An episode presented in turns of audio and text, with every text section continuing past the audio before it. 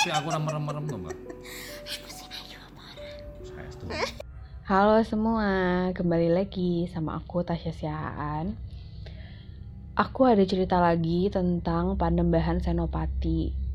Jadi aku tuh eh, pada waktu itu aku tuh harus ke Jogja karena aku ada urusan. Terus setelah aku selesai urusan itu ternyata aku eh, punya tugas gitu. Aku harus bantu orang di sana. Dan orang ini masalahnya cukup besar dan cukup berbahaya gitu. Selesai masalah eh, selesai mengurus masalah orang ini, aku harus ke kota gede. Di eh, kota gede Keraton Lama. Kalau kalian tahu di kota gede itu ada mata air yang kita bisa mandi di situ. Nah, aku harus mandi di sana gitu supaya eh, sesuatu yang mungkin pada saat aku tadi tolong orang itu aku nempel hal-hal yang buruk itu eh, lepas luntur semua. Akhirnya berangkatlah aku ke sana, aku mandi, terus selesai mandi, eh, aku tuh jalan keluar. Nah kota gede itu kan maka eh makam keraton lama. Kota gede itu kan keraton lama. Jadi tuh eh, masih sangat berbentuk ya menurut aku itu masih sangat berbentuk keraton kayak ada pintu depannya, ada eh, gapuranya. Jadi eh, itu ya memang merasa kayak masih di keraton gitu. Terus aku nih kan sering banget suka mendadak ke flashback gitu. Jadi pada saat entah kenapa setiap aku di Jogja aku tuh bisa lebih terbuka eh, matanya tuh lebih terbuka. Dan sejelas itu jadi ketika aku melihat sesuatu tuh solid bukan yang udah nggak ngebayang lagi nah pada saat aku di kota gede aku tiba-tiba udah nggak lihat pada masa saat ini. Aku lihat tuh pada masa zaman dulunya. Aku sampai bingung waktu itu. Aku diem doang karena aku nggak tahu aku harus belok ke mana gitu. Karena yang aku lihat udah nggak kayak yang aku lihat real time-nya saat ini. So aku diem. Yang aku lihat itu itu masih tanah eh, pijakan kita tuh tanah semua. Banyak pendopo. Orang-orangnya pun nggak pakai baju. Jadi eh, ada yang nggak pakai baju dan ada yang pakai base cap ya kalau nggak salah namanya base cap baju inilah abdi dalam. Dan semua nyeker di situ. Eh satu-satunya yang pakai sendal tuh aku. Aku diem dan aku jadi merasa aduh kenapa nih kenapa nih kok tiba-tiba aku jadi ngeliat gini? Gitu. Terus eh, akhirnya aku mencoba untuk jalan tapi aku mencoba untuk tenang aku nggak boleh panik gitu. Karena kalau aku panik ya jadi buyar segala-galanya buyar gitu. Akhirnya aku tetap jalan terus di situ aku dalam hati tuh ngomong aduh aku nggak ngerti nih maksudnya apa kok aku lihat kayak gini gitu. Akhirnya aku tetap jalan terus hilang penglihatan itu. Nah pada saat itu aku tuh nggak tahu eh, bahwa leluhur-leluhur Jawa itu punya andil dalam menjaga tanah Jawa. Jadi eh, aku nggak tahu kalau mereka tuh juga punya tugas gitu. Akhirnya aku selesai dari kota gede aku pulang. Aku pulang ke rumah om aku yang posisinya rumahnya itu masih di dalam benteng keraton. Terus eh, aku kita tuh biasanya suka duduk di depan teras duduk-duduk aja ngobrol-ngobrol. Nah pada saat itu om aku tuh cerita eh kemarin tuh si ini nakal nembus ke keraton Merapi. Terus aku eh, aku nggak tahu kalau ternyata di di Merapi itu ada keraton. Aku nggak pernah tahu aku nggak pernah aku tuh nggak pernah nyari-nyari anaknya. Jadi kalau memang aku lihat ya sudah kalau enggak ya udah berarti aku nggak tahu. Jadi aku nggak pernah kepo mencari ini mencari itu gitu nggak pernah. Terus aku diem aku tuh saat ini udah ada di posisi ketika aku mau lihat sesuatu aku udah nggak perlu lagi tidur dan astral Eh, astral projection ya kalau kata orang. Saat ini tuh aku udah di posisi kalau orang cerita dan mataku kosong berarti aku tuh sudah tidak ada di aku. Jadi aku udah ngelihat ngelihatnya udah ke sana ke tempat yang diceritain. Nah pada saat omku cerita kayak gitu tiba-tiba aku ngelihat pendopo yang isinya tuh ada mbah jadi kalau kalian sering banget kalau kalian sering nonton aku uh, di YouTube aku atau sering dengar aku cerita uh, ada sosok mbah yang menjaga aku itu emang dia dari Merapi tapi aku nggak pernah tahu kalau di Merapi itu ada keraton. Terus uh, aku ke sana aku ngeliat mbah lagi duduk di pendopo itu sama tiga tiga orang lain gitu. Terus uh, mbah tuh nengok ke aku terus cuman senyum senyum kayak menandakan kamu nggak boleh ke sini harus pulang.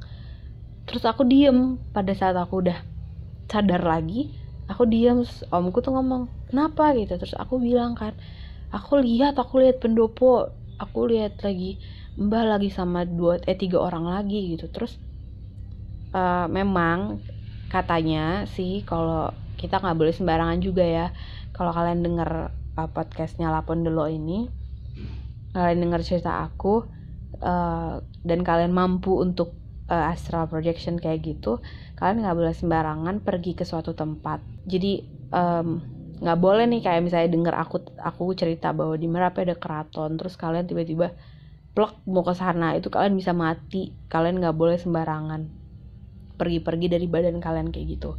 Nah kenapa omku terus kaget? Karena ya itu kita nggak boleh sembarangan ke keraton tempat yang harusnya orang manusia hidup tuh nggak nggak datengin.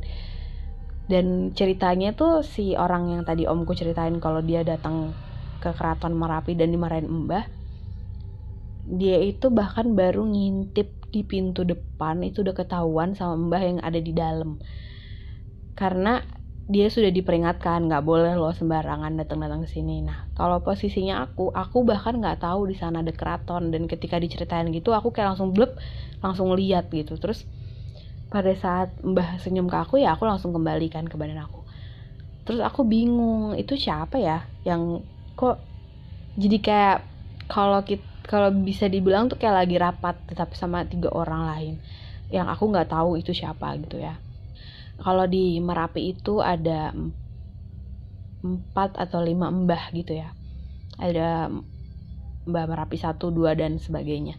Tapi aku nggak tahu tiga itu apakah salah satu dari mereka atau enggak. Yang aku kenal kan cuma mbah yang sering sama aku. Terus aku ngomong sama omku tuh tadi kok ada ada tiga orang lagi ya? Gitu. Terus omku tuh cuman diem. Ya udah dia bilang ya mungkin lagi ngomongin sesuatu kali gitu doang Nah pada malam itu aku tuh memang harus ke aku ada syuting juga di belakang tembok makam Raja Raja Mataram. Jadi di belakang temboknya makam kota gede itu. Di situ kayak ada pendopo uh, bukan pendopo dari dulu sih. Itu pendopo baru dibuat sama warga sekitar tapi udah cukup lama yang katanya dibuatnya itu karena tanah itu tiba-tiba tuh menggunduk ke atas, berdiri ke apa, naik ke atas semua. Terus eh, orang-orang sana tuh masih kuat tirakatnya. Nah, si bapak ini yang yang membangun pendopo ini ngomong, jadi dia merasa aduh kok tanahnya kayak gini ya dan itu waktu itu sama um, pemerintah itu mau diuruk katanya mau dijadiin kolam atau apa gitu cuman karena si bapak ini tirakat dan dia mendapat sesuatu bahwa itu nggak boleh dikeruk tapi dibikin diratain lagi dan dijadikan pendopo untuk dipergunakan sama warga sekitar juga.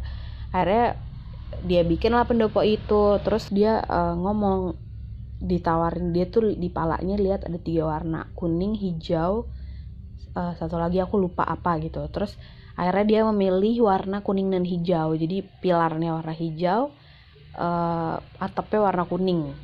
Terus uh, aku tuh nggak nggak sadar bahwa uh, itu pendopo ini ada di persis di belakang tembok makamnya. Jadi di sebelah kanan itu kita bisa lihat tempat uh, mandi tadi mata air tadi. Tapi di sebelah kirinya itu benar-benar benar-benar makam tembok terus di pendopo ini. Nah pada saat aku nyampe si pendopo ini baru jalan aku kan jalannya agak naik gitu. Nah pas agak naik gitu aku kok aku nggak lihat sosoknya tapi aku di kepala aku tuh ada bayangan bahwa lagi ada yang duduk bersila di tengah-tengah situ laki-laki. Terus aku ya udah aku diem aja karena ya udah mungkin memang itu tempatnya dia. Terus tiba-tiba aku tuh jalan aja ke tengah-tengah pendopo dan aku duduk di tempat uh, yang aku bayangin bahwa ada yang lagi duduk bersila di tempat itu. Aku duduk di situ dan tiba-tiba aku nggak bisa ngomong apa-apa. Jadi aku blank aja nggak ada nggak punya bayangan ya nggak ada penglihatan. Pokoknya aku diem aja di situ sampai omku tuh nge uh, ngapain di tengah-tengah situ gitu. Terus uh, aku tuh diem karena aku nggak ada kayak kayak orang lagi ditutupin aja gitu nggak bisa lihat apa-apa gitu. Terus akhirnya aku jalan tuh ke kanan omku cerita kamu tahu nggak di depan sini tuh makamnya raja-raja loh gitu. Terus aku bilang oh iya.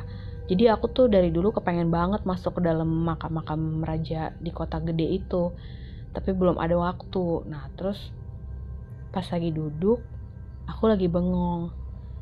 Terus tiba-tiba aku lihat uh, emang gak sembarangan orang sih bisa kayak gini ya. Maksudnya gak sembarangan orang bisa kayak om aku ini gitu. Jadi aku pun gak bisa melakukan itu gitu. Jadi pas aku lagi duduk aku lihat ada sesuatu yang itu kan tembok makam itu tinggi banget tinggi banget. Dan di, di bahkan di luar tembok itu kan bentuknya tuh kayak ada uh, tembok-tembok yang agak rada maju maju-maju ke depan. Dan di setiap sela-sela tembok itu tuh pasti ada yang jaga jaga kayak ya masih pakaian up di dalam dan bawa tombak itu ada di situ. Terus aku tiba-tiba lihat ada sesuatu yang naik di atas ujung tembok paling atas.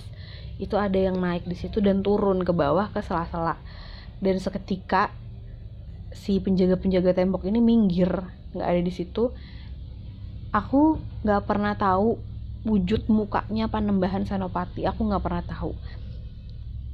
Terus pas dia turun itu sejajar sama aku. Dan ternyata tempat aku duduk itu bener-bener satu garis lurus sama makamnya Panembahan Senopati. Terus omku tuh ngomong ada pesan apa? Terus aku bingung karena aku nggak tahu dia siapa. Aku kan nggak tahu muka mukanya seperti apa. Aku duduk diem terus aku nanya ah siapa? Maksudnya pesan apa gitu? Pesannya siapa? Untuk siapa? Dari siapa? Gitu terus aku ditinggalin. Omku tuh nggak ngomong itu siapa gitu dia aku ditinggalin aja. Terus aku duduk diem. Terus aku ya tetap sopan lah ya walaupun kita nggak tahu dia siapa aku tetap ngomong uh, aku Tasya gitu. Aku ke sini mau begini begini begini. Kamu siapa? Aku tanya gitu kan. Terus dia nggak jawab dia siapa. Dia nggak menjawab bahwa dia nggak bilang kayak saya Panembahan Senopati gini gini. Nggak dia nggak ngomong gitu. Tapi uh, ya udah diem aja dan rasa yang aku dapat tuh kayak ya udah kamu nggak usah tahu juga aku siapa gitu. Yang penting tuh pesennya. Dan pesennya ini dia punya pesan yang sebenarnya aku udah tahu pesan itu jauh lama sebelum dia kasih tahu aku. Aku udah ngerasa kayak gitu tapi aku nggak pernah mau ngomong di mana pun bahkan YouTube aku sendiri pun aku nggak pernah mau ngomong terus pada saat dia ngasih pesan itu jadi waktu dia mau ngomong pesan itu aku udah udah deg-degan gitu. Aku kayak dalam hati aduh please dong jangan pesan yang ini gitu. Karena aku nggak bisa ceritain. Waktu itu aku syuting sama uh, orang lain jadi aku nggak nggak mungkin juga aku diem aja gitu. Sedangkan dia tahu bahwa aku lagi komunikasi. Tapi ternyata pesannya sama. Pesannya itu dunia ini itu sudah tua. Dunia ini tuh udah mau hancur bahkan apa ya dunia ini tuh kalau udah nggak udah nggak ditahan mungkin sudah meledak-ledak gitu. Terus dia bilang orang Jawa itu udah nggak ada Jawanya. Orang-orang tuh udah berubah jadi bengis jadi jahat jadi nggak tahu apa arti kehidupan yang sesungguhnya dan mereka udah buta.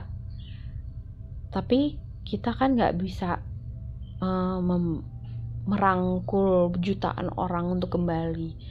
Yang kita bisa tuh sekarang cuman berusaha untuk menjadi pribadi yang selalu lebih baik selalu lebih baik. Terus uh, aku nggak bisa ngomong apa-apa pas dia ngomong gitu. Aku cuma bisa diem sambil nunduk gitu.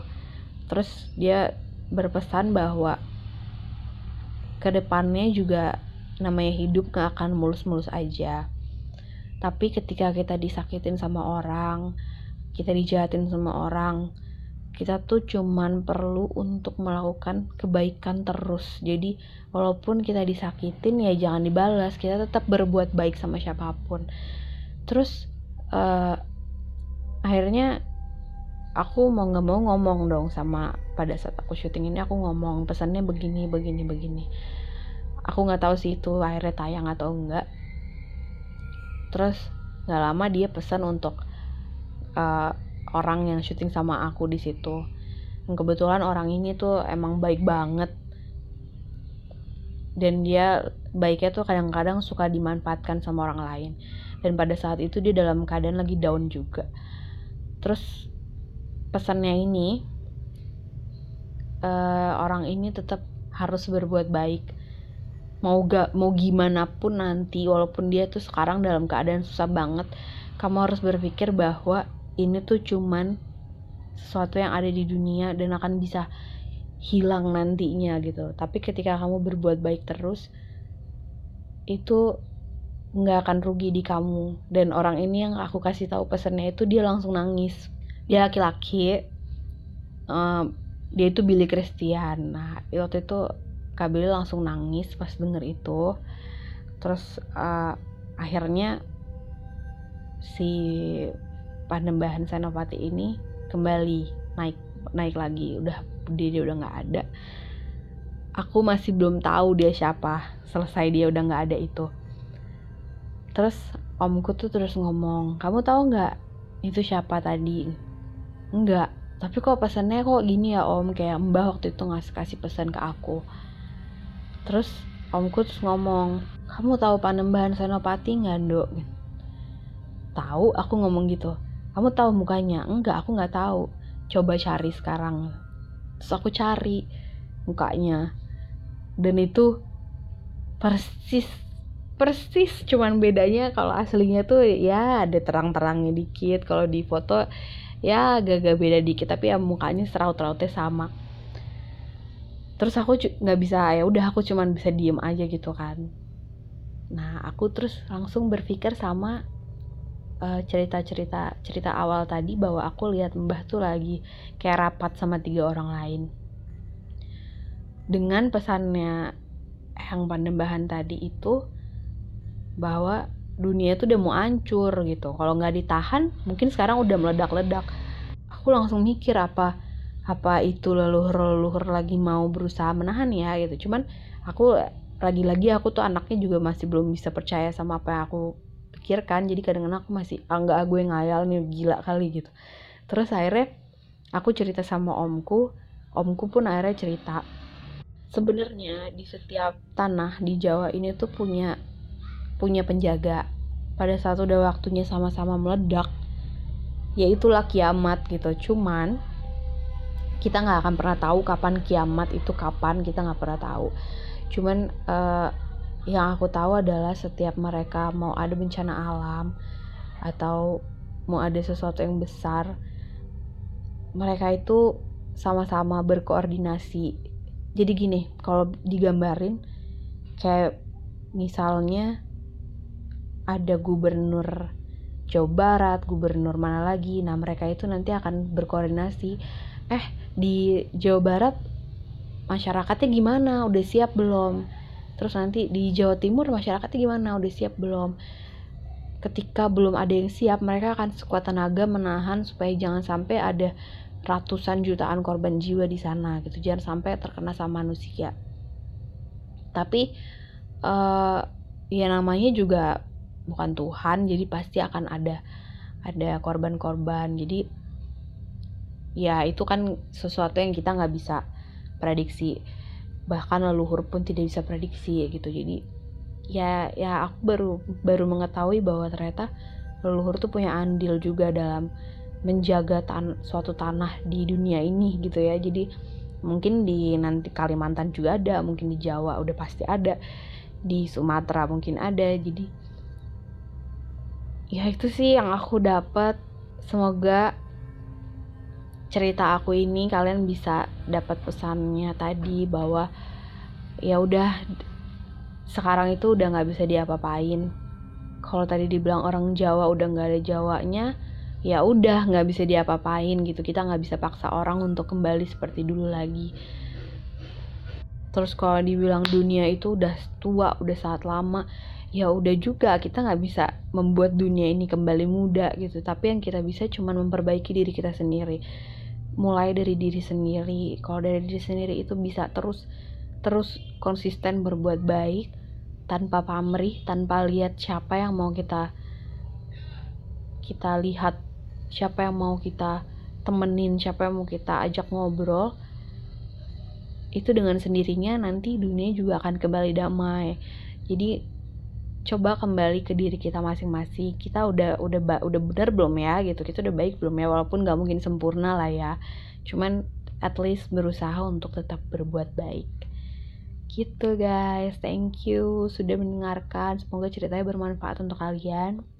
Ini pengalaman pribadi aku yang menurut aku bagus kalau di share karena pesannya itu bagus untuk banyak orang. Terima kasih.